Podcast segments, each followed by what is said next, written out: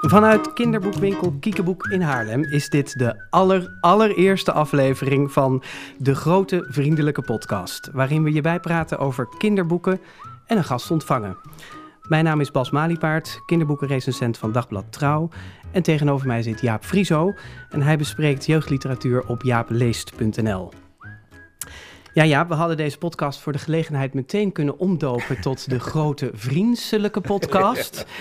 Want onze eerste gast is een van Nederlands bekendste kinderboekenschrijvers, helemaal uit Gronsveld onder Maastricht naar Haarlem gekomen, speciaal voor ons, Jacques Vriends. Welkom, fijn dat je er bent. Dankjewel, leuk. Ja, Jaap gaat je zo nog uh, uitgebreider introduceren. Maar we dachten eerst moeten we even iets over deze podcast vertellen. Want het is tenslotte de eerste aflevering. Ja, van, de, eerste podcast over jeugdliteratuur. Uh. Ook dat nog? Ja. ja. ja. Maar die naam Jaap, laten we daarmee beginnen. De ja. grote vriendelijke podcast. Ja, nou ja, van Roald Dahl natuurlijk, hè, de GVR. En uh, we waren een beetje op zoek naar een naam waarvan iedereen meteen een associatie met, uh, met kinderboeken had hebben nog even aan podcast in Spijkerbroek gedacht. Of, ja. of podcast van Katoren of iets dergelijks. maar uh, nou ja, dit boek van, van Roald Dahl, ik, ik ben het nu weer aan het lezen. Om, en, en ja, het is gewoon wel ook een soort icoon in de, Roald Dahl sowieso. En ik denk dat er ook weinig mensen zijn die een hekel aan Roald Dahl hebben of Roald Dahl niet kennen. Hè. Dat is gewoon, dus ja, dat, dat heeft een fijne uitstraling. Maar het is vooral dat iedereen meteen denk ik associeert met van... Uh, uh, dit gaat over kinderboeken. En dat beetje vriendelijk. We zullen best scherp en kritisch uh, zijn. Oh ja, oh ja, zeker. Het wordt af en toe de grote venijnige podcast. de valse podcast. ja, leuk. Maar goed, daarom... Uh, de, G, de GVP. De GVP De GVP is, het. Ja, dit is de eerste aflevering van de GVP en daar zijn we hartstikke trots op. Ja, ja. Um, ja ik, ik, stel jouw vragen terwijl ik het zelf eigenlijk ook al weet. Waarom zijn we dit begonnen? Ja, daar ben ik wel heel benieuwd ja. Of vraag jij het ons eens even, Jacques? Hoe zijn jullie hiertoe gekomen, heren? Nou, uh, Bas allereer, die kwam met het idee. En uh, ik, ik ben zelf een radiomaker, dus ik was meteen heel enthousiast. En podcast is natuurlijk een prachtig... Uh, instrument om, om voor nou ja, mensen die echt geïnteresseerd zijn iets te maken. En uh, wij merken ook wel dat er toch wat minder aandacht voor jeugdliteratuur is. Of in ieder geval dat dat vechten is om daar gewoon aandacht voor uh, te krijgen. En wij zijn allebei uh, erg enthousiast. Ik spreek ook maar even voor jou. Ja, maar enthousiast mag. over kinderboeken. En vind het belangrijk dat nou ja, schrijvers en mensen uit het vak aandacht krijgen en dat er gewoon veel over bekend is. Want er wordt zoveel moois gemaakt en er is zoveel moois te koop en te bieden, dat het jammer is dat het soms een beetje in de marge verdwijnt. En nou, met dit platform hopen we daar uh, wat een mooi promopraatje. Nou, ja, ja. we kunnen dit gewoon knippen. En, ja. Uh... ja, maar ja, dat zit er wel achter. En bovendien zijn we, maar we zijn wel allebei ook gewoon journalist. Hè? Dus we willen het wel vanuit de journalistiek. Uh, we zijn een onafhankelijke platform.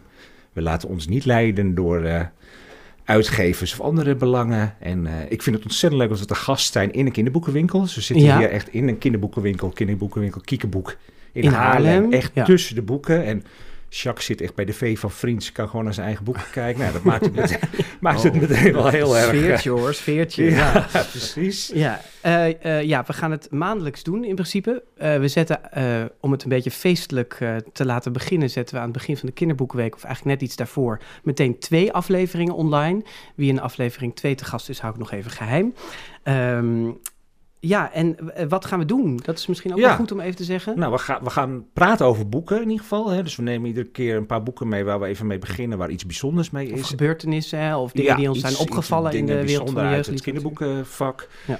En uh, we hebben iedere week een, uh, een gast. En uh, dat, dat zal regelmatig een schrijver zijn, maar dat kan ook een illustrator zijn, of een vertaler, of een uitgever, of iemand anders die iets bijzonders doet in het boekvak. En, en wel altijd toch naar aanleiding van van iets. En er moet een relevantie zijn. Dus iemand die een nieuw boek heeft geschreven of die jubileert. Of uh, nou ja, in ieder geval iets waar, waar, waar we echt over kunnen praten. Dus we gaan nu ook echt praten over Jacques' nieuwe boek. Ja, introdu niet, introduceer hem eens even niet over, uitgebreider. Niet over uh, 70 jaar uh, Jacques Vriends.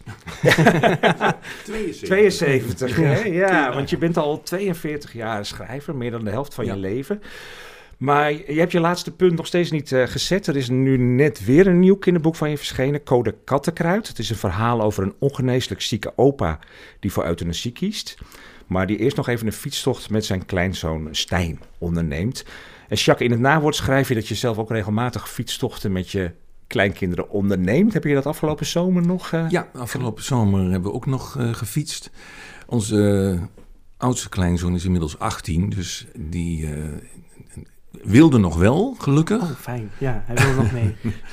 En ja, dat is ontzettend leuk. Want nou, het is eigenlijk ontstaan omdat we op een zeker... De kleinkinderen logeerden veel bij ons. Eh, maar zodra ze dan wat groter worden, dan merk je gewoon... dat wordt gewoon minder, want dan hebben ze hun eigen vriendjes en vriendinnetjes... en de clubjes en noem het allemaal maar op. Ze wonen in Brabant en wij in Zuid-Limburg. En toen eh, bedachten we ineens van... Goh, we hebben vroeger met onze eigen kinderen ook toch wel vaker eh, fietstochten gemaakt. We gaan dit nog een keer doen en nu met de kleinkinderen. En dat is hartstikke leuk, want dan trek je een week lang met elkaar op. Hè, van fietsen Echt van met de kamperen en regenpakken en de hele Nee. B&B. Ja, oké, ja. Ik ben niet zo van kamperen. dus eh, nee, en dat is heel gezellig altijd. Het is, je kletst onderweg ontzettend veel. Je maakt van alles mee. En, eh, nou, Hoe groot hebben- is die club dan? We zijn dan eh, met, met oma, opa en drie kleinkinderen op dit moment. En dat is echt heel gezellig. En we, we hebben eh, bijvoorbeeld, eh, wat we ook wel doen, het een van de laatste keren was zijn we met de trein naar Amsterdam gegaan en heel Noord-Holland doorgefietst. En we hebben vorig jaar in België gefietst. Dus ja, we proberen zo een heel gevarieerd programma aan te bieden aan, aan de Om ze te verleiden. Ja. Ja, En het, ze vinden het nog steeds leuk, dus dat is wel ontzettend eh, fijn om te doen. klinkt Ja. als een hele leuke opa. Nou, dat proberen we te zijn, een leuke Ja. opa en oma. En Ja. dat, eh, dat gevoel hebben we ook wel hoor, dat Ja. het contact heel goed is met de kinderen. Ja. Nou, over de opa in het, in het boek en Ja. eh, over Code Kattenkruid gaan we straks... eh, en over euthanasie, waar het boek over gaat, Ja. een beladen onderwerp, gaan we straks uitgebreid praten. Maar eerst over de boeken die ons de laatste tijd zijn opgevallen. Bas, waar trappen we mee af? Ja, met een, eh, een heel oud boek uit 1902. Het heet Vijf kinderen in en het in het Nederlands. Het is een eh, van oorsprong Brits boek van E. Nesbit. En het is nu voor het eerst verschenen in het Nederlands. Dus eh 116 jaar later is dat Ja. dan, hè? Ja. Terwijl En- het wel altijd in Engeland nog gewoon in druk is ja, geweest. hè? Ja, nooit uitdruk geweest. Het is eerst als feuilleton verschenen in een tijdschrift in 1902 en ook in hetzelfde jaar toen in boekvorm. Het gaat over vijf kinderen die in een eh, grindafgraving naast eh, hun huis een zandvee vinden. En die zandvee die kan wensen vervullen. Maar het blijkt nog niet zo eenvoudig om eh, ja, een wens te doen die uitkomt zoals je had gehoopt dat die uit zou komen. Klein voorbeeldje, ze wensen rijkdom. De zandvee zorgde dat die hele grindafgraving, die hele zandgroeven, vol ligt met muntstukken. Ja. Alleen blijkt het een muntsoort te zijn die niet meer in omloop is. Oh, ja. Dus de kinderen hebben heel veel geld, maar ze kunnen er niks mee. En zo gaat eigenlijk elke wens in het boek mis op een bepaalde manier. Het is Daar- heel moeilijk om iets goeds te wensen ja, eigenlijk. ja, daar komt het op neer. En Ja. daar schuilt ook een beetje... die vee het niet? Of hoe, hoe, hoe, hoe komt dat? Of, Ehm, of die denkt Het is een beetje een valse vee ook. Ja, hij is ook een beetje chagrijnig. chagrijnig, Ja, Ja. dat is leuk. En soms voert hij gewoon ook letterlijk uit wat ze zeggen. En hebben de kinderen zelf ook niet zo goed erover nagedacht hoe ze het dan moeten formuleren. En ze zeggen over die rijkdom bijvoorbeeld, we hadden beter 10 pond en 5, eh, weet ik veel wat, kunnen Oh, ja. wensen. Want dan hadden we ook dat gekregen. Dus als, als die eh vee zelf interpretatieruimte heeft bij de wens, dan Ja. maakt hij daar ook graag gebruik van. Het is, eh, dat levert natuurlijk allerlei hele grappige situaties op. Ehm, er is nog iets wonderlijks aan de hand. Het is het eerste deel van een trilogie in Engeland. En deel 2 en deel 3 zijn wel ooit vertaald in het Nederlands. Alleen deel 1 nooit. Wel heel lang geleden, voor oorlogs en in de jaren 60. Maar nu is er dan eindelijk het eerste deel. Ehm, kun je daaraan merken of het al heel oud is? Wel een beetje, toch Jaap? Ja, maar wel op een prettige manier, vind ik. Ik vind dat niet een bezwaar om het eh, te lezen. Maar het heeft wat dingen over jongens en meisjes die misschien wat traditioneel... eh, Ik heb er één opgeschreven, twee zelfs. ja. eh, van die zinnetjes. Zelfs de meisjes voelden zich nu bijna dapper. Weet je wel, zo van, nou ja, de jongens zijn het vanzelfsprekend, maar de meisjes... En bij de jongens staat dan zelfs de jongens werden bleek om de neus. De meisjes waren natuurlijk al lang en breed flauwgevallen. Maar dus aan dat soort kleine details, die zijn een beetje verouderd. En de lezer, of uh, Nesbit spreekt de lezer ook heel duidelijk aan. Uh, ik vond het eigenlijk wel op een geestige manier. Het was niet vervelend ouderwets. Nee, ik vond dat ook wel prettig. Het is, uh, ze stapt dan even uit het verhaal en je, daardoor word je er ook wel weer echt bij, uh, bij betrokken. Ja. Ik vind het erg leuk dat zo'n boek, dit doet uitgeverij Carmijn, hè, een kleine uitgeverij die meer van die Adder van het Groene Huis hebben ze ook opnieuw uh, ja. de wereld ingeslingerd. Het is erg leuk om dit soort toch een beetje verborgen dingen vergeten parels en, ja. uh, en, en soms ook boeken die we al wel kennen inderdaad, zoals Anne van het Groene Huis, maar die al heel lang niet meer in druk zijn. Nee, die doen zij opnieuw. Ja, voor, voor uh, hoe oud is het? Uh, jaar of negen, acht voorlezen misschien al. Ehm, maar er staan ook soms wel wat moeilijkere woorden in, doordat het al heel oud is. Ja. Eh, dus zelf lezen misschien vanaf een jaar of 19, ja, Het is zoiets. vijf kinderen en het niet te verwarren met eh, de vijf. Ja, precies. het volgende boek, ja, ja, had dat, is een, eh, een ehm, het is al in maart verschenen in Nederland. maart 2018. Maart ja. 2018. En eh, langzaam begint het een beetje een hype te worden. Deze zomer eh, heeft Jaap Frieso het ook gelezen. Maar dat, mocht- dat, Oh, nou, maar dan wordt het onmiddellijk een hype, hè, als Jaap maar dat moest van Bas Bali paard. Je moet dat boek lezen. Nou, toen er eindelijk tijd voor had op het Franse strand, heb ik dat gedaan. En, en waarom ik dat niet meteen eh, heb gedaan, is omdat het een van die vele boeken is waarbij heel erg wordt gerefereerd aan Harry Potter. Van dit is de nieuwe, nieuwe Harry Potter. Nou, daar hebben we al stapels eigenlijk van gehad. Dat komt eigenlijk nooit, nooit uit. Want het is altijd toch veel minder of heel erg een... een eh, eh, plagiaat bijna, of een kopie. En, en dat heeft dit boek eh, Nevermore, ik geloof nog niet eens gezegd heb hoe Nee, het heet. Hè? nee. Nee, Nevermore, van Jessica Townsend. Een Canadese of een Australische, schrijfster Australische, die eh, ook veel in Engeland is. Het heet Nevermore, Morgan Crow en het Wondergenootschap. En nou ja, het gaat over die Morgan Crow, dat is zeg maar de Harry Potter... eh, van dit boek.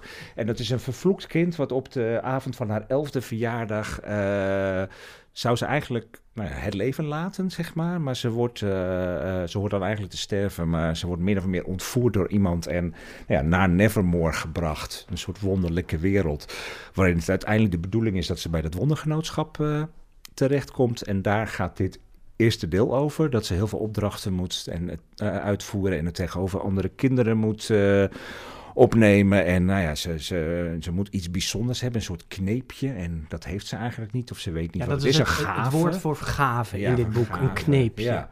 ja. en langzaam word je heel erg in dit boek getrokken, vind ik, omdat het... Er zitten ontzettend uh, uh, veel parallellen met, met Harry Potter. Die zijn bijna geestig. Hè? Ik bedoel, kan echt heel veel dingen dat je denkt... oh ja, dat is die in Harry Potter of dat is die in Harry Potter. Maar toch is, doet ze... En Harry Potter is trouwens dit jaar, uh, twintig jaar geleden... In Nederland, hè? In Nederland ja. uitgegeven.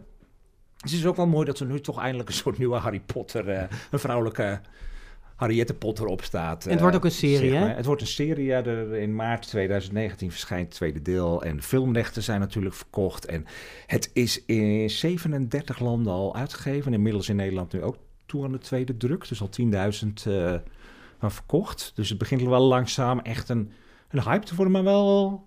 Wel langzaam, het, het, zeg heeft maar. Een, heeft een wat langere heeft aanloop wat gehad. tijd nodig, ja. Maar Ja. het is wel... Ik, ik was uiteindelijk word je er gewoon blij van. Omdat hij denkt van, ja, dit is weer zo'n boek, zo boek waarin het gelukt is om een magische wereld te creëren die geloofwaardig is, waarin... Kleine kanttekening daarbij, ik vond hem wel vrij ingewikkeld. Beetje nodeloos ingewikkeld soms, die, uh, die magische wereld. Ja. En is Harry Potter iets overzichtelijker. Ja, alhoewel ik daar soms ook al bijna een staafdiagram van moest maken. Maar, uh, nou, dat is je leeftijd, ja. Nee, ja. maar dat is wel waar. Ja, dit, dit komt ook omdat hier twee magische werelden een beetje in elkaar vervloeien. Hè? Terwijl Ja. je bij Harry Potter nog eigenlijk de echte wereld van gewone mensen hebt en de magische wereld. Precies. Terwijl dit begint al in de magische wereld en daar zit er nog weer een ma- magische wereld achter. Precies. Nou ja, dat moet je wel je best... eh, Vertaald Door- door eh, Sabine Mutsaars en uitgegeven bij Luiting Seidhof. En voor kinderen vanaf een jaar of elf, denk ik, hè? Om te lezen. ja, ja, ja. De volgende, ja, die heb ik weer bij me.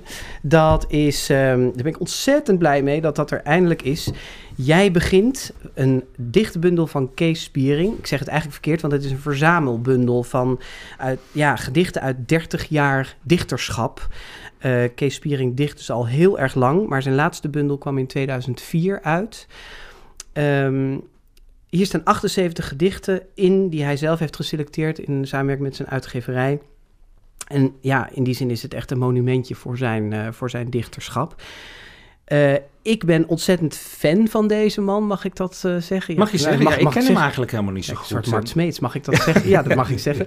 Ehm, eh, zo- zo- Zo'n liefhebber van zijn werk dat ik ook een dichtregel van hem op het geboortekaartje van onze oudste zoon heb gezet. Al mijn later is met jou.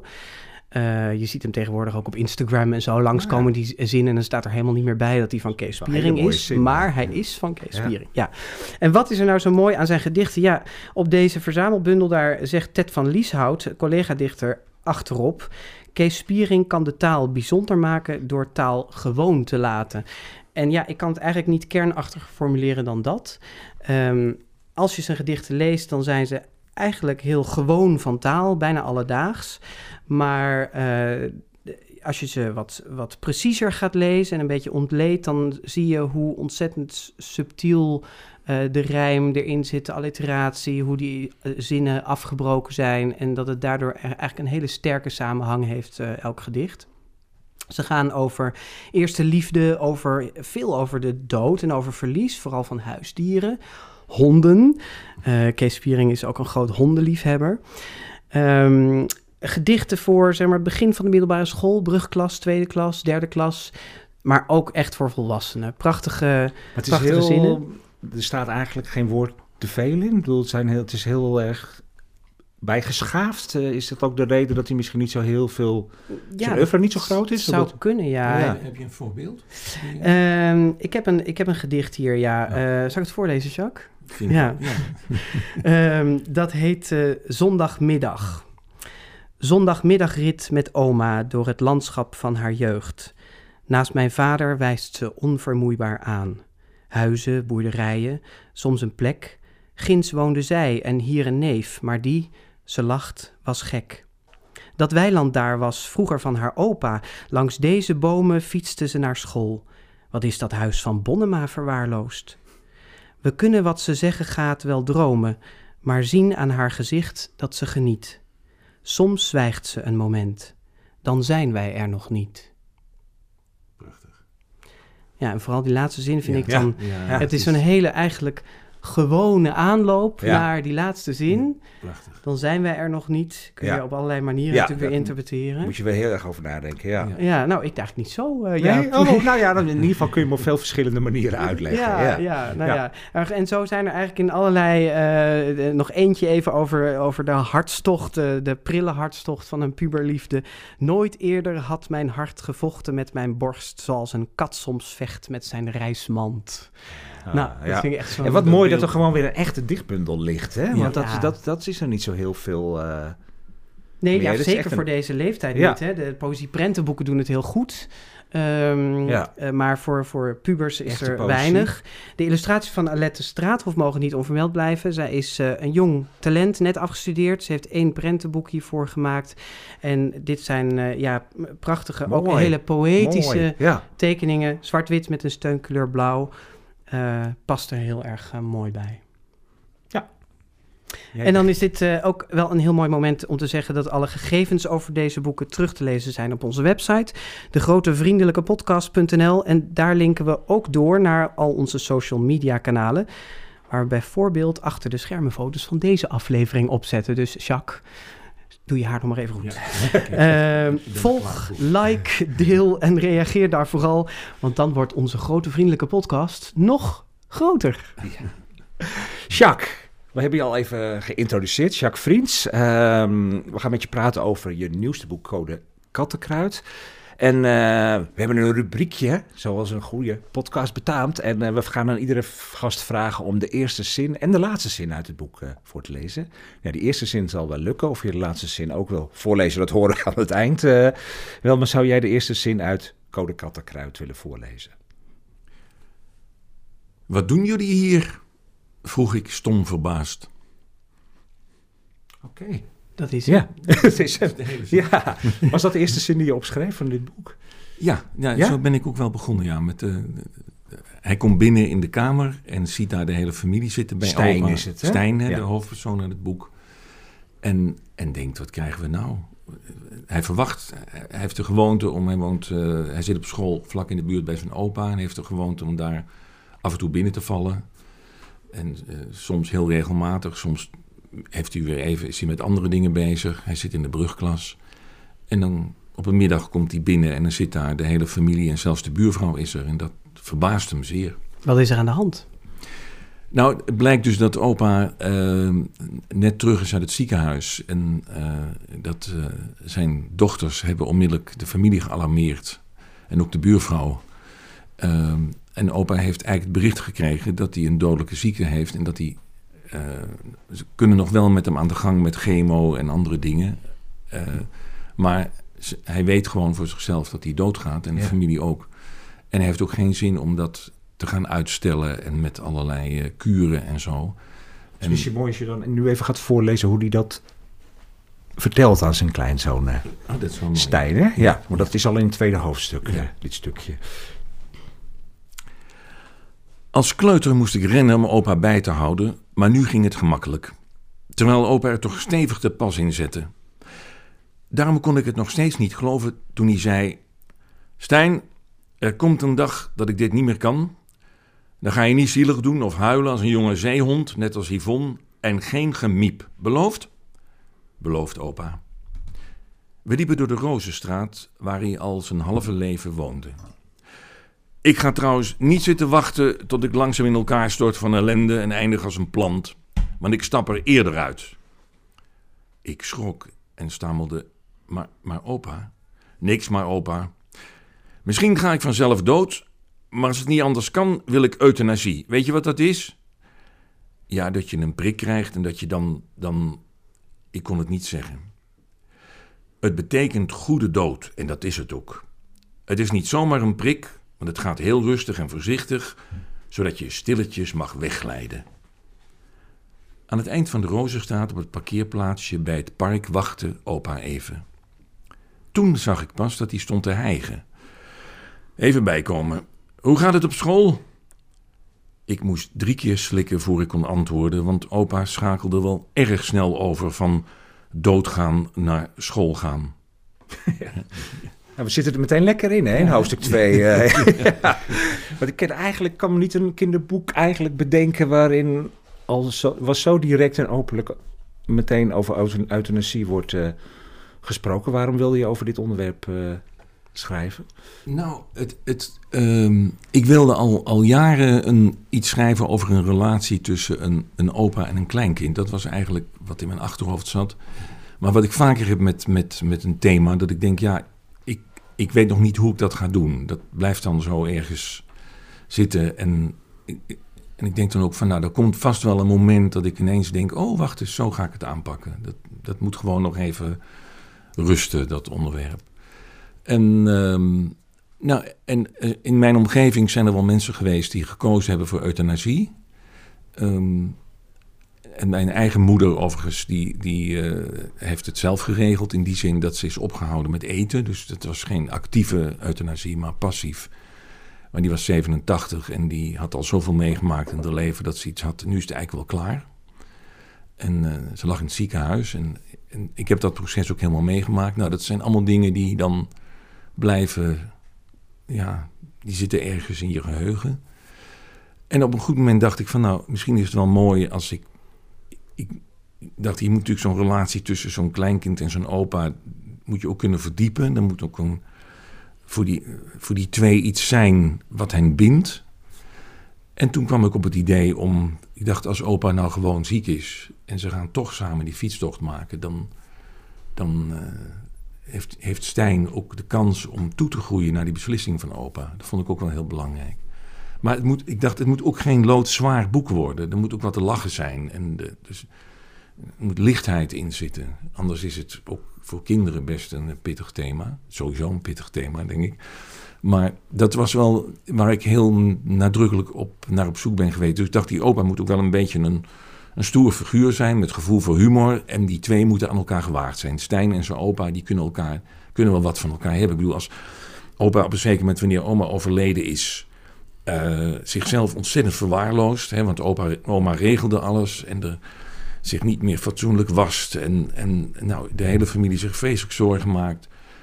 Dan is zijn kleinzoon diegene die, als hij zich beklaagt en zegt... ja, en, en ze willen hem ook nog in een tehuis stoppen. Die zegt, nou opa, dan moet je eens een keer beginnen met je te wassen... en die haren uit je neus te knippen en je oren. en, Stijn roept hem tot orde. Ja, ja, ja. En, en, zijn beste vriend uh, van opa, een oudere man ook, die heeft dat ook al gedaan. En eerst is opa boos op zijn. Zei, ja, hoe durf je dat te zeggen tegen je, tegen je grootvader? Nou ja, eigenlijk heb je wel gelijk, want Leendert, mijn vriend, heeft het ook gezegd. En ja, ik moet er wat aan gaan doen. En dan ja, heeft hij een schop zijn kont gehad, van, ook van zijn kleinzoon. Ze kunnen heel rechtstreeks met elkaar communiceren. Hè, ja, heel direct. En dat vind ik heel leuk ook om, om dat te gebruiken.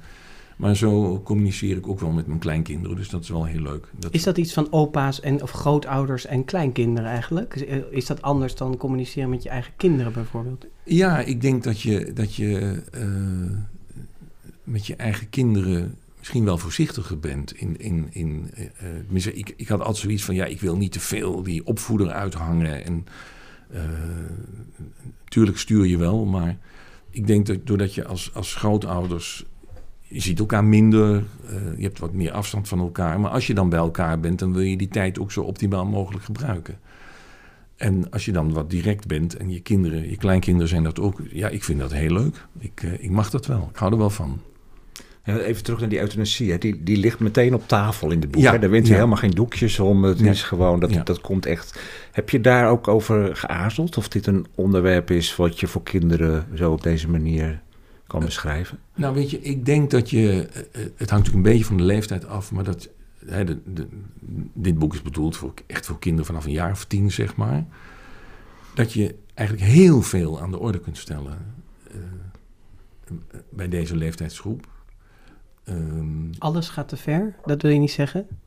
Uh, alles, je kunt niet alles aan de orde stellen? Jawel, ik denk, ik zou zitten denken, wat, wat zou niet kunnen. Ik weet toen ik nog voor de klas stond en, en uh, nou, er was, er was de gewoonte dat uh, één keer in de week waren er al twee kinderen die de krant bespraken in de kring. En dan kwamen er ook dingen voorbij als, als iemand die zich voor de trein had gestort. Van, kinderen moesten dan berichtjes uit de krant knippen en dan was de opdracht nou ook iets van de, echt van de actualiteit maar ook uh, uh, spannende berichten of leuke berichten. En dan kwamen ze bijvoorbeeld met dat iemand zich voor de trein had gestort.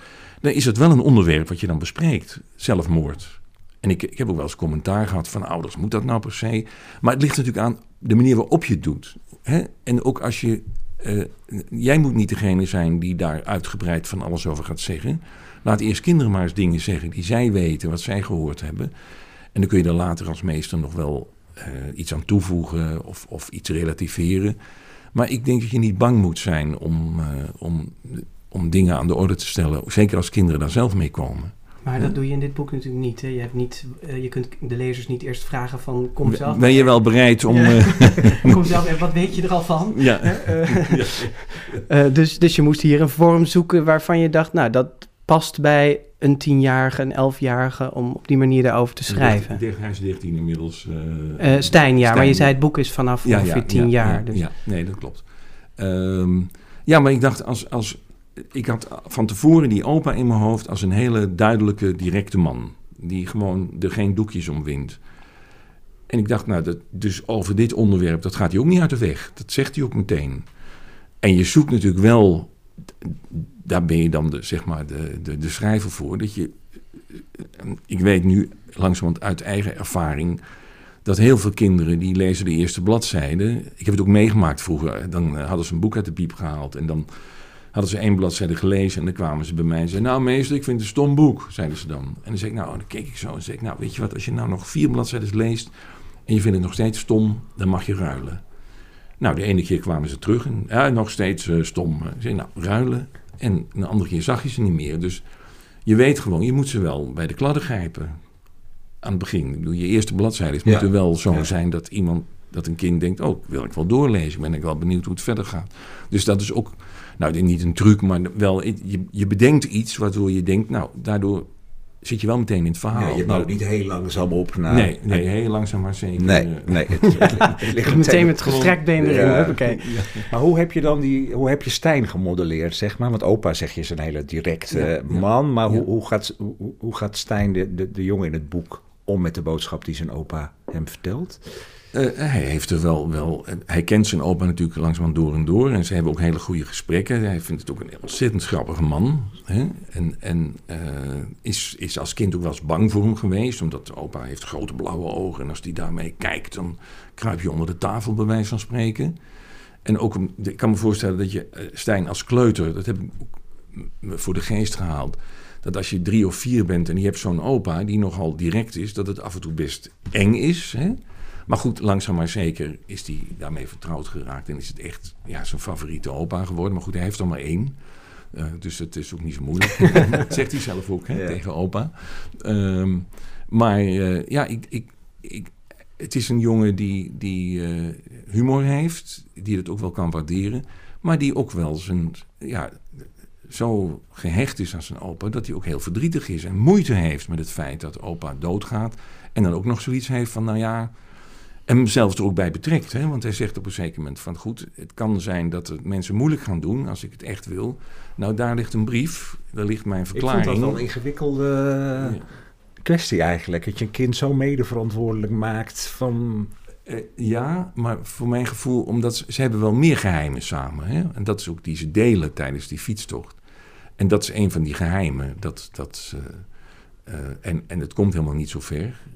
Ja, laten we hem even goed afmaken, want er is dus een koektrommel met daarin eigenlijk de wilsverklaring van, van opa. opa. En hij zegt als het dan uh, om de, wat voor reden dan ook toch niet lijkt te gaan gebeuren, ja. dan moet jij die koektrommel pakken ja. en dat papier aan de familie laten zien. Heel goed dit, Bas. Even de lijn. Even de lijn. ja, ja. dat, is een, dat is een zware opdracht voor, uh, voor, voor, voor die die, die aan, aan Stijn geeft. Maar, maar dat kan, vind je?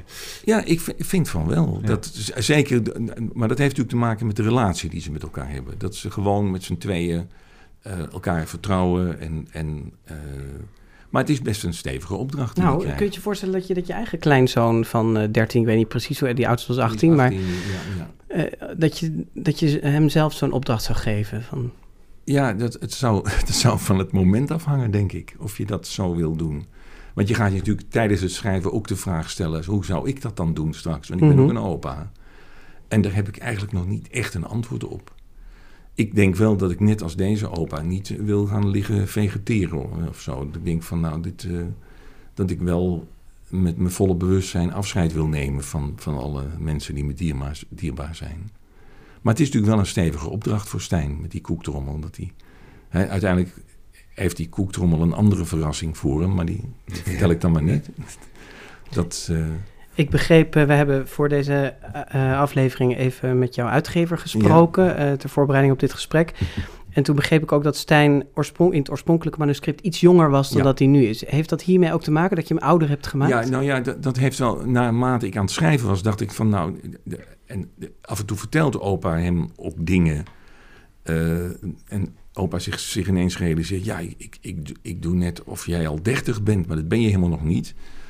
En toen dacht ik, nou, dan eigenlijk moet hij wel iets ouder zijn dan, dan een jaar of 11, 12. Dus ik heb hem 13 jaar gemaakt.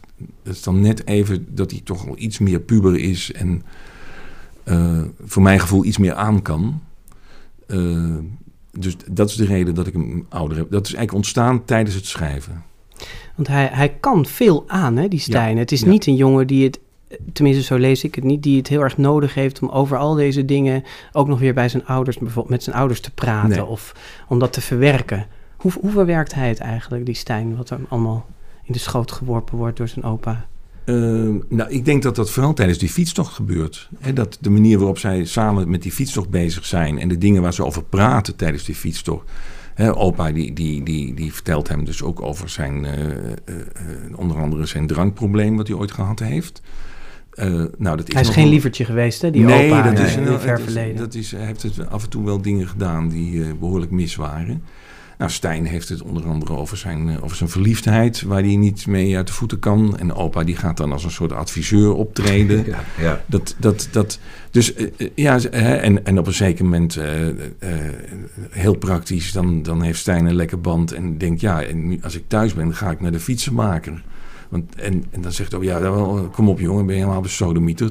Draai die fiets om, we gaan de band repareren. En de volgende keer als je het weer moet, moet jij het doen, goed opletten. En dan denkt ze, ja, ja, dan zal ik het doen, maar ik hoop niet dat ik dat hoef te doen. Uh, dat uh, liever ja. niet. Dus het, ik denk dat ze, dat, dat heb ik wel geprobeerd, dat ze voor elkaar heel veel betekenen. Um, en die fietstocht is ook al een soort missie, hè? Want de ouders van Stijn ja. en vooral zijn tante, die, die, die, die zien dat eigenlijk helemaal niet zitten. Ja, en die ja. zijn bang dat er iets gebeurt. En zo'n oude man die ziek is uh, maar op de fiets. Maar toch zetten ze het door. En dat is voor Stijn ook alweer een soort verantwoordelijkheid. Van ik ga toch tegen de zin van die familie met opa. Ja, maar hij is ook op een zeker moment als opa even de schijn ophoudt dat het toch niet doorgaat. He, want hij, opa denkt dat gezeik over die fietstochten. Ik doe net of het uh, ja. voorlopig even niet doorgaat. Dan is hij echt heel erg teleurgesteld. En dan kan opa hem een seintje geven en zeggen: Ja, dat zeggen we gewoon om ze koest te houden.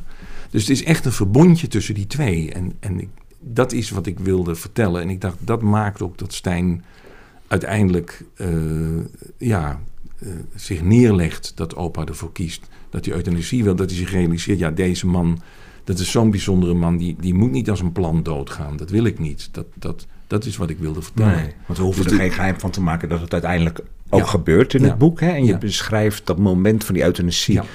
Beschrijf je vrij expliciet, echt wat er gebeurt met de verschillende spuiten. En, en waarom heb je dat zo... eh, Daar heb ik heel lang over nagedacht. Eh, eh, ik, bedoel, ik wist wel voor mezelf dat uiteindelijk opa die eh, eh, ervoor zou kiezen, dat zou gebeuren. Maar ik dacht, is, hij, is Stijn daar nou bij of is hij daar nou niet bij? Die twijfel zit ook in Stijn, in, in het verhaal. En toen dacht ik, ja, maar die twee hebben zoveel met elkaar meegemaakt. En, eh, en, en zitten, zijn zo dicht bij elkaar, nog dichter bij elkaar gekomen dan ze al waren. En eh, opa wil het eigenlijk graag, maar die durft het dan niet zelf te vragen. Dus Stijn hoort het van zijn ouders. Hij mag ook kiezen en uiteindelijk kiest hij er wel voor. En eh, ja, hij doet dat ook voor zijn opa. Want hij wil, hij wil die man ook het gevoel geven van... nou, je krijgt ook de kans om, om echt afscheid te nemen. En dat vond ik wel belangrijk om dat te beschrijven. Dat is wel een lastige scène om, om te beschrijven. ja. Wilde je ook laten zien echt hoe het gaat? Want het is natuurlijk een Ja, discussie die vaak een beetje abstract is. Ja. Maar ik heb in ieder geval zelf de ervaring als ik in documentaires... ja. echt dat moment zie, dat iedere keer het me wel weer... Ja, dat is ik denk, ja, er gaat echt iemand dood. Hè? Ja, Of- ja, dat is een. een eh, daar heb ik natuurlijk wel in, in mijn omgeving mensen echt zien doodgaan. Dus ik. ik eh, ja, het is wel iets wat, wat ik meegemaakt heb zelf. Ehm, maar ik, ik, ja, ik vond het wel heel belangrijk dat Stijn het tot het einde toe eh, volhoudt met opa. Dat vond ik echt heel belangrijk. Dat die twee zoiets hebben met elkaar. Dat dat op die manier eh, samenkomt. Voor het verhaal, maar vind je het ook belangrijk dat kinderen, de lezers weten hoe dit, Ja. hoe dit gaat? Ja, nee, ik blijf toch, eh, dat, niet toen ik dat schreef hoor, maar achteraf. Ik heb een soort nawoord, op verzoek trouwens van de uitgever, die zei... Je moet wel een nawoord schrijven, want ik, moet ik nou zo hè? ja. Anders durven we het niet Nee. uit te geven. Nou, nee, dat valt, viel wel mee. Maar nee, ze kwam echt van, eh, vind je dat niet een... een- ik denk, ja, misschien heb je ook wel gelijk. Ja. ook, dat we dat gewoon wel... Want het is natuurlijk een ethische kwestie waar we over hebben. Wat het laatste woord, er is wetgeving over in Nederland. Ja. Maar die discussie gaat natuurlijk altijd Ja. door. En dat het ook goed is voor kinderen om te lezen. Nog even heel, bijna, ja, heel zakelijk. En Misschien een, een- een- wat overdreven gezegd, maar toch de schrijver die zelf vertelt van eh, hoe, hoe hij het boek geschreven heeft en hoe dat precies zit met, met euthanasie. Dat wordt ook wel in, in het verhaal verteld, maar het wordt nog iets explicieter eh, aan het eind. Ja, en ik, ik, dat, realiseerde ik me achteraf. Eh, dan blijf ik toch, denk ik wel, diep in mijn hart die schoolmeester die denkt ik wil kinderen wel vertellen wat euthanasie is. Maar niet door. Ik zal jullie eens even uitleggen wat euthanasie is. Want dat probeer ik. Ik bedoel, als ik heel eerlijk ben, ben ik in heel veel van mijn boeken wel een beetje die oude schoolmeester. Dat eh, toch ergens die boodschap die. Ik ben er- blij dat je het zelf zegt. Ja, hè, de- niet, maar niet- ik probeer niet met het wijsvingertje, maar meer door de manier waarop je het vertelt of door wat er gebeurt in het verhaal. Dat, je, dat, dat is dan eigenlijk de. de- het is heel impliciet. Ja, probeer ik het te want je gaat ook niet uitgebreid in op alle voor's en tegens van euthanasie. Er is één oud-tante, geloof ik, die vanuit religieuze Ja, ja. motieven daar wat problemen mee heeft. De ouders hebben het allemaal wel... Die hebben er hun gedachten over, Ja, maar ja, je gaat ja. niet heel erg in op... Nee, en die, en die tante Yvonne, die heeft er wel heel veel moeite mee, ook wel. En, eh, maar ik dacht, ja, dat, dat is... eh, dat zijn de mensen op de achtergrond. Dat zijn, dat zijn, het gaat om die twee. En, en eh, je voelt wel dat, dat de familie er ontzettend moeite mee heeft. Ook omdat ze dan toch nog willen gaan fietsen. Terwijl ze denken, ja, maar kan dat dan nog wel als die man al eh, zo, zo ziek is? Eh, en, en het commentaar en het feit dat, dat ze hem zelfs achterna reizen op een zeker moment. Omdat ze toch bang zijn, ja, we kunnen ze niet loslaten. Ja, maar het gaat even om de discussie over euthanasie. Dat Ja. je die eigenlijk niet echt voert in het boek. Nee, maar dat wilde ik ook bewust niet. Ik dacht, het, het gaat om, het, het gebeurt gewoon. En ik dacht, ja, dan wordt het ook zo'n zo'n zo'n zwaar boek waarin mensen discussies gaan voeren over euthanasie. Ik dacht, Ja. laat ik het verhaal gewoon vertellen. En wel aangeven dat er mensen zijn die daar moeite mee hebben. Maar ik dacht, ja, als, het, als ik daar... Ik heb wel, ik weet, ik heb op een gegeven moment één scène geschreven waarbij dus dan... Die, wel die, en die heb ik op een gegeven moment weer geschrapt. Ik dacht, ja, dit wordt weer zo... Uitleggerig of ja, zo. Zo'n Hm. oude hoer. Ja. Dat, eh, Maar je, het boek heeft wel als ondertitel Hoe mijn opa vrolijk doodging. Hè? Ja, ja. Dat gaat- We hebben het uiteindelijk wel over euthanasie en een man die sterft. Is dat niet een wat al te rooskleurig zinnetje over euthanasie. Nou, Vrolijk maar hij, doodgaan. hij, ik vind wel dat hij het heel vrolijk doet, opa. Dat, dat, eh, hij zegt ook op een zeker moment, eh, maak je geen zorgen Stijn. eh, hij- als het moment bijna daar is, we maken er geen poppenkast van. hij blijft zijn humor houden tot op het laatst. En, en ook, hij, hij heeft dan een paar momenten eh, in het, dat hij het wel te kwaad heeft. Ja. Hè? Ik weet dat Stijn op- komt op een zeker moment binnen bij hem... en dan zit hij foto's te kijken en dan, dan heeft hij het echt moeilijk er even mee... Eh, maar goed, Stijn is dan weer degene die hem weer even moed geeft. Eh, ik dacht, ja, ik wil gewoon laten zien dat die man... Het is een keuze die hij heeft gemaakt. En het is altijd een, een, een positieve, opgewekte, stevige man geweest. En dat blijft hij gewoon tot het einde.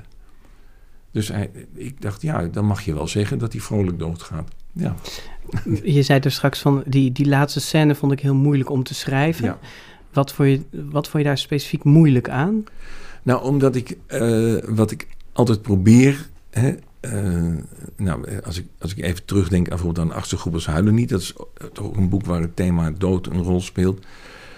Het gaat over een meisje met eh, kanker, hè? ja, die en die uiteindelijk overlijdt. Ja. Eh, ik dacht, als ik dit soort dingen beschrijf, dan wil ik dat eigenlijk zo, zo sober mogelijk doen. Zo ingehouden mogelijk. Want de verleiding is natuurlijk heel groot om daar een soort drama van te maken. En met een hoop toeters en bellen dat je de, de violen op de achtergrond hoort spelen en zo. Dus dan, dan is het juist de kunst om dat zo sober mogelijk te vertellen. En volgens mij komt het dan drie keer zo hard binnen, denk ik. Eh, en als, want als het hè, met, met een hoop gedoe eromheen, dan. En, en dat vind ik altijd wel lastig, om dat op de goede manier. Dus dat zijn dan vaak scènes die je een paar keer echt herschrijft. Om te denken, ik wil echt proberen tot de kern te komen. Ja, want het is op zich een vrij eh, eh, ingedikte scène. Hè? Het, is, het Ja, gaat niet ja. bladzijden lang door, maar je beschrijft wel echt wat er wat gebeurt. er gebeurt. Ja. ja, en daar heb ik echt eh, ja, even naar moeten zoeken. Omdat ik dacht, ik wil de goede woorden vinden. En het, het, het moet sober zijn. Ja. Je hebt een nawoord geschreven. Ja. ehm, en deze opa die kiest wel overwogen voor euthanasie. Heb je het gevoel dat je toch ergens een standpunt inneemt in dit boek over deze kwestie? Nee, want ik heb in het nawoord eh, nadrukkelijk gezegd dat, het, dat er eh, ook anders over gedacht wordt. Dat er ook mensen zijn die er anders over denken. En dat ik dat respecteer. Dat vind ik wel belangrijk. Want ik ben daar voor mezelf ook nog niet, niet voor 100% uit. Ik kan, ik kan me voorstellen dat mensen hiervoor kiezen. eh, eh, voor euthanasie. Eh, maar ik kan me ook voorstellen dat mensen, ja, ik, ik heb daar toch moeite mee, of ik vind het moeilijk, of uit godsdienstige overweging, of noem maar op. Dus ik, ik, het is niet een pleidooi voor euthanasie, maar het is wel begrip vragen voor euthanasie. Ja. Dat is het, denk ik. En je bent 72 inmiddels. Ja, hè? Een, ja. een- een opa hoorden we al, die met zijn kleinkinderen veel, veel onderneemt.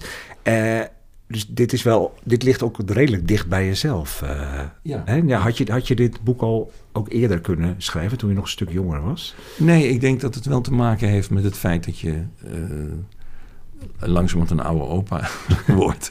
dat je toch, ja, de, de, de, die, eh, ja, die, je kleinkinderen, mijn, oudste, mijn kleinzoon is 18, mijn kleindochter is 16, ik heb nog een kleindochter van 10. Eh, ja, dan heb je natuurlijk al heel veel ervaring met je kleinkinderen. En die heb ik wel gebruikt in, in dit verhaal. Ja. Alleen al de fietstocht, om er iets te noemen.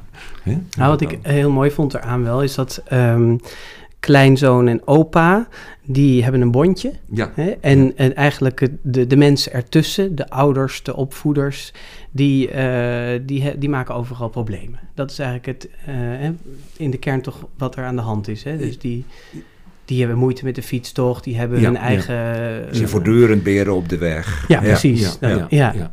En toen moest ik denken aan een uitspraak van jouw collega Lineke Dijkzul. Die Ja. heeft ooit in een interview gezegd...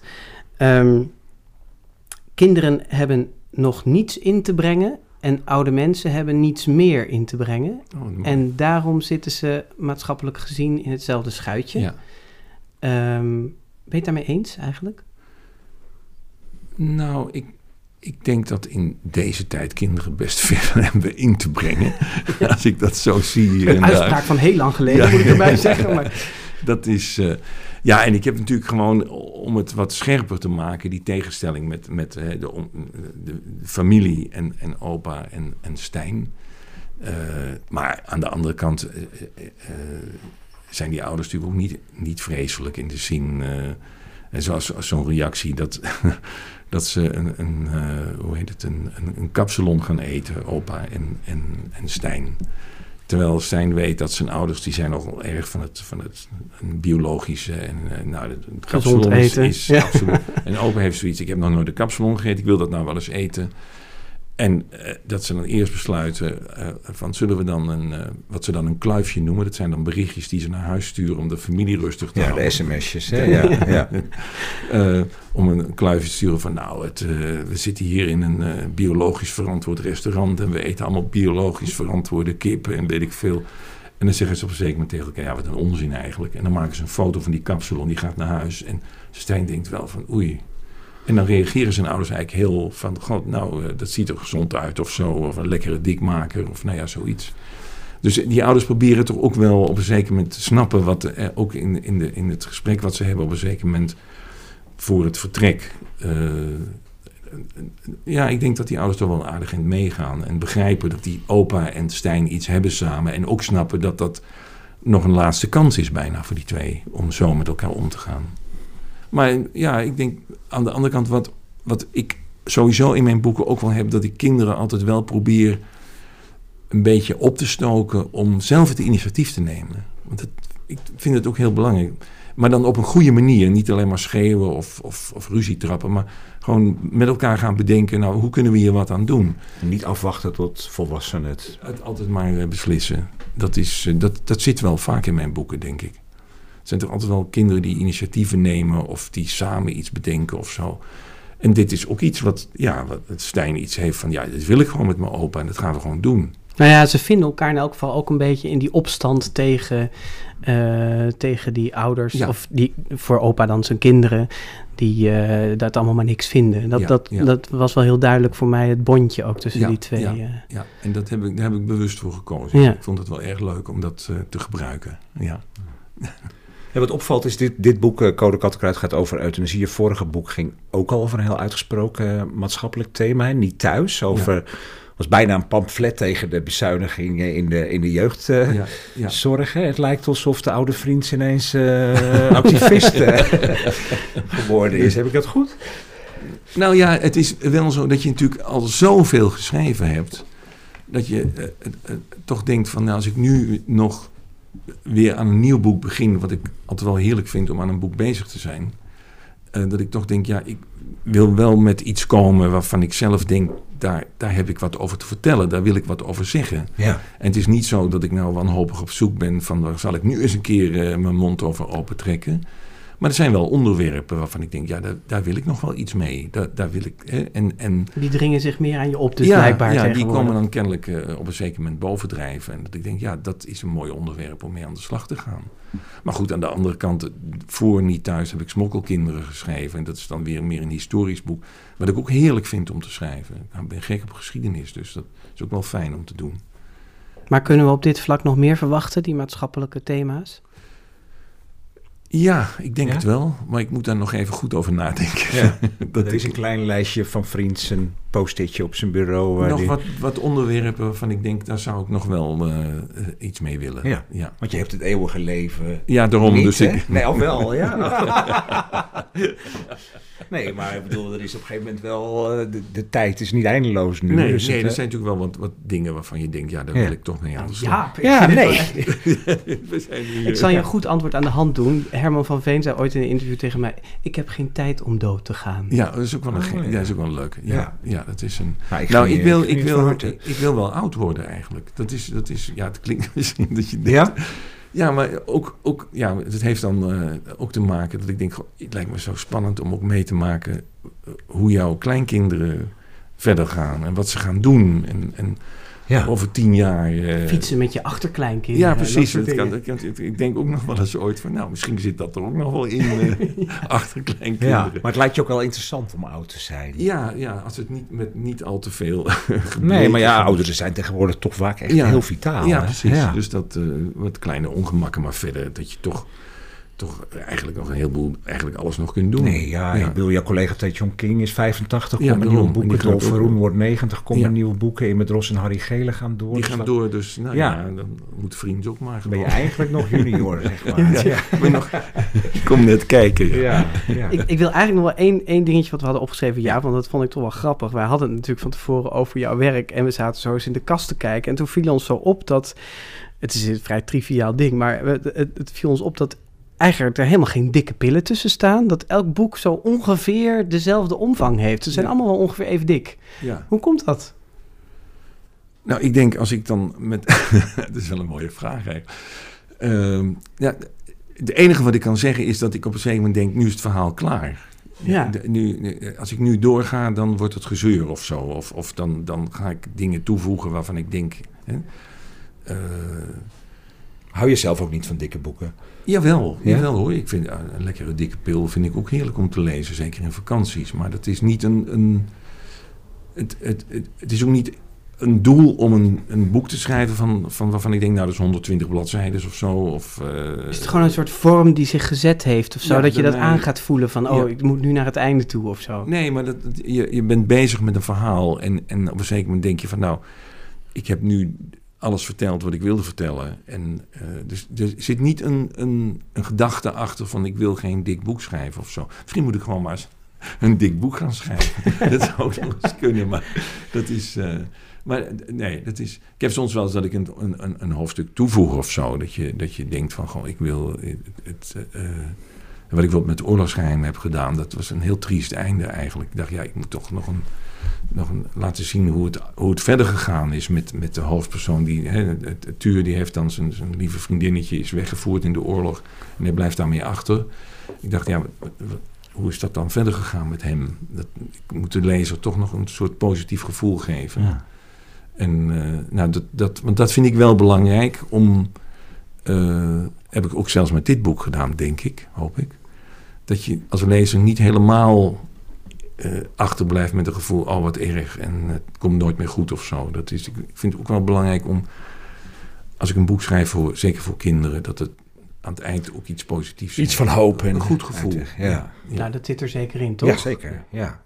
Nee, het is, het is best aangrijpend en ingrijpend, maar eh, je slaat het op zich wel met een go- redelijk goed gevoel dicht. Nou, dat vind ik wel fijn om, fijn om te horen. Ja, ja. ja. grote vriendelijke parel. Jawel, we hebben ook een, eh, een rubriek. De grote vriendelijke parel is dat. ja.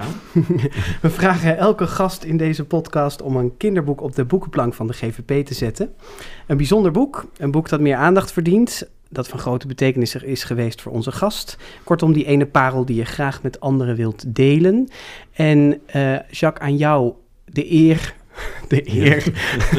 Alsof we al een heel instituut zijn. de eer, ja, Ja. vriend, aan jou de eer Ja. om de eerste parel op de GVP boekenplank te zetten. Wat heb je meegenomen? Ik heb meegenomen Boris van Jaap de Haar. Dat is volgens mij in 68 eh, of 69. Ik kon het niet even terugvinden, want het stond hier niet meer in. Eh, want dit is een, een, een editie uit 73. Je hebt je eigen exemplaar mee. Mijn eigen exemplaar, ja. Eh, en het, het bijzondere van het boek is voor mij... Ik heb het, in al mijn klassen heb ik dit voorgelezen. Ik was altijd wel op zoek naar nieuwe voorleesboeken... en eh, actuele eh, boeken... Maar er zijn altijd een paar boeken geweest, en zeker deze, waarvan ik dacht: ik wil dat alle kinderen die bij mij in de klas hebben gezeten, dit verhaal kennen. En waarom dan? Omdat ik het een. een, een eh, het is het verhaal van. Het speelt zich af in de Tweede Wereldoorlog in, eh, in Leningrad. De stad wordt belegerd door de Duitsers, eh, omsingeld, niemand kan weg. Er worden continu bombardementen uitgevoerd. En er is hongersnood, hè, want wat de Duitsers willen, ze willen gewoon de stad uithongeren. Gaan mensen dood van de honger. En in die stad eh, woont, eh, woont Boris, jongen van een jaar of tien. En die heeft een vriendinnetje, eh, Nadja, die is een jaar of 12, 13. En die twee trekken met elkaar op. En in al die ellende die er is. Eh Nadja is een heel oorspronkelijk kind. Die hele grappige dingen heeft. En eh, zich ook min of meer ontfermt over Boris. Eh, en zij beleven samen die oorlog. En het is nogal heftig, want op een zeker moment gaan er mensen dood. Ook de, de vader van Boris is verongelukt, want ze hebben nog een één geheime route. over- Niet alles verklappen, hè, Oh nee, nee, nee, nou goed, de vader is ook dood. De, de, de broer van Natja is overleden. Eh, maar ze hebben samen ook een soort verbondje. En, Ah, daar is die eh, weer. en daar is hij weer, Ja. ja. En die, die helpt hen wel door al de ellende heen. Alhoewel op een zeker moment gaat... Ik zal het niet helemaal vertellen, dan ik mag niet alles Maar dat is ook waarom je het dan al je, je, je leerlingen wilde voorlezen. Ja, ja, en ook om ze te laten zien wat oorlog eigenlijk betekent. Dat, dat, natuurlijk, eh, bij oorlog wordt heel snel gedacht aan bombardementen en tanks en noem maar op. Maar dat het gewoon, wat het voor mensen betekent, hoe ingrijpend het is. eh, nou, de, de, hij, eh, dat kan ik dan wel verklappen. Natja overleeft het niet. En dat is, die, die vriendschap tussen die twee, die is zo bijzonder. Eh, en, ik- en dat wilde ik vooral laten zien. Dat je op een, ja, op een heel, voor kinderen, ja, wat ik sowieso in mijn eigen boeken ook probeer, is dat je heel dicht bij de emoties van kinderen probeert te komen. En dat doet dit boek ook zeker. Als je dit gaat lezen als kind. En ik heb Ja. het nu weer eens even zo wat stukken zitten Het is, het is een aantal jaren geleden ook nog weer opnieuw uitgegeven. Ja. Het is, het is een- op dit moment niet te krijgen. Dat zal na deze podcast vast Ja, weer veranderen. Maar dat, dat is wat je geleerd hebt eigenlijk van Jaap ter Haar. eh, Dat, dat dicht bij die emoties van die kinderen blijven, of ja, niet? dat is een, wel, wel. Ik denk dat dat voor mij wel een. een eh, niet dat, dat het nou alles bepalend is geweest, maar dat, dat, dat dit soort boeken mij wel op het goede spoor hebben gezet. Maar dat heb ik ook gehad met de kinderkaravaan van André ja. van der Loef. Eh, d- d- dat is ook zo'n boek waarin kinderen heel levensecht zijn. En Ja. dat vond ik ook wel bijzonder om, eh, om te ervaren. Dat je, eh, eh, want het- ik, ik las het als kind voor het eerst, toen ik was een jaar of tien. En daarvoor las ik alleen maar Arendsoog en Puk en Muk. En nou, da- daar ben ik wel een lezer door geworden, laat ik dat er meteen bij zeggen. Maar goed, die zijn natuurlijk zo plat als een dubbeltje. En toen las ik ineens dit boek, hè, dus, dus de kinderkaravaan. En daar kwam ik ineens kinderen tegen die echt waren. Die verdriet hadden, die ruzie maakten, die verliefd werden. En, Ja. en dat was voor mij toen al dat ik dacht... oh, als je toch zo kunt schrijven, dat lijkt me En fantastisch. Boris is eigenlijk ook nog eens in een, heel ander, in een ander land, hè? in Ja. een andere cultuur. Ik kan me van het lezen herinneren dat je het... Je hebt het gelezen? Ja, dat je het er bijna koud van... Het is een heel koud boek. Het is voortdurend winter en Ja. ze hebben weinig om te stoken en zo. Ja. Dat het echt een heel rillerig Ja. boek is, maar dat dat heel goed beschreven is. En ze zijn op een zeker moment gaan ze, eh, heeft Natja van haar broer die overleden is gehoord dat er ergens buiten de stadsmuur eh, aardappels begraven liggen. En ze barsten van de honger. En ze gaan daarheen met z'n tweeën, een hartstikke gevaarlijke tocht. En dan worden ze betrapt door de Duitsers. En dan, ja, dat is echt een aangrijpende scène. En dan is er één Duitser die, die denkt, ja, die kinderen, ik kan ze niet zomaar. Dus die op een zeker moment met een grote witte vlag lopen ze naar de, naar de Russische linies toe. Met die kinderen. Eh, dus het is eigenlijk een goede Duitser. Ik weet dat... Ik, ik, zou, ik, ik kan me dit soort dingen niet meer herinneren. Het is mij voorgelezen in de brugklas. Ja. Maar eh, ik, ik ga je wel even eh, afkappen, want ik wil het heel graag eh, opnieuw gaan Ja, lezen. En nu weet ik dus al dat die kinderen naar die Russische... li- Ja. Dus ik stop je hier, Wij, Jacques. Je bewondering is duidelijk voor het boek. Ja. En eh, we krijgen er in elk geval heel veel zin eh, van om het opnieuw op te de- lezen. Op de boekenplank. Ja. Het eerste boek op de... Met het prachtige omslag van volgens mij Rien Poortvliet, Ja. of niet? Ja, het ziet er geweldig. fantastisch mooi Ja. uit. Ja. Ja. Ja. Hey Jacques, we begonnen dit gesprek met de eerste zin uit uh, Ja. Code Kattenkruid. En eh, wil jij de laatste zin voorlezen? Geeft hij niet te veel weg? Geeft hij niet te veel weg? Gaat opa dood? Oh nee, dat wisten we al. Ja, de laatste zin, wel verklapt, Jacques. Er zat een tekening in en ik herkende de grote hand van opa. Heel mooi. Wie goed naar dit gesprek geluisterd heeft, kan waarschijnlijk bedenken waar dit ongeveer over gaat. Was dit ook weer de, echt de laatste zin die je opschreef? Of was die er in het begin al? Of... Nee, ik had eh, op een zeker moment wel bedacht hoe ik, hoe ik het... eh, nou, dat doe ik wel vaker als ik schrijf, dat ik eh, pas begin als ik weet hoe het afloopt. Oké. Overigens veranderen dan tijdens het schrijven de, de, De aflopen, aflopen. nog wel eens een keer. Maar in dit geval heb ik, ja, op een zeker moment dacht ik van ja, dat, dat, dat wordt het einde. Kun je dan ook echt een punt zetten? Want het valt mij in dit gesprek op dat je nog heel erg in dit... Je bent heel erg begaan met dit boek, hè? Met Ja, de hoofdpersonen. Je zit er nog heel erg Ja, in.